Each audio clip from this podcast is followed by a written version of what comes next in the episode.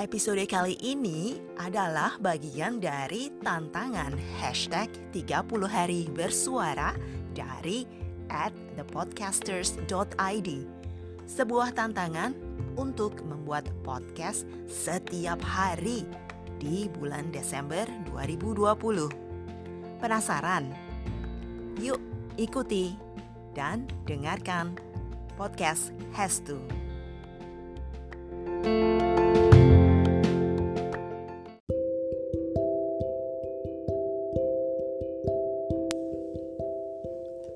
Persimpangan Dari satu kata ini, aku teringat akan sebuah quote dari Jim Rohn yang bunyinya, Some people plant in the spring and leave in the summer.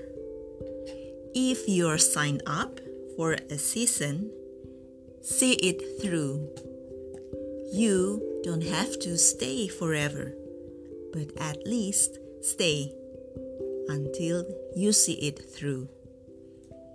Nah, pasti di antara kalian sudah pernah merasakan galaunya saat berada di persimpangan. Saat tidak tahu ke mana harus melanjutkan kehidupan. Should I stay? Or should I leave? Tentunya kita akan berupaya agar keputusan cepat didapatkan.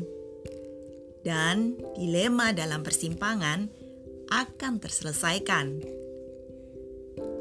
Butuh waktu lama untuk berproses dan mengerti bahwa di persimpangan inilah sebenarnya kita diajarkan untuk mengerti. Iya, mengerti. Mengerti akan segala konsekuensi dari keputusan yang diambil. Apakah itu baik atau tidak? Dari sinilah tentunya harus siap dengan segala kemungkinan yang akan muncul. Apakah akan membuat bahagia atau memberikan rasa kecewa? Di persimpangan jalan dapat pula terlihat bayang-bayang masa depan entah itu benar atau tidak. Setidaknya, bayangan itu memberi keyakinan, sebuah rasa optimis dalam mengambil keputusan, sehingga kita bisa dengan mantap untuk membuat keputusan. Dan kini saatnya diri harus melangkah keluar dari persimpangan Should I stay or should I leave?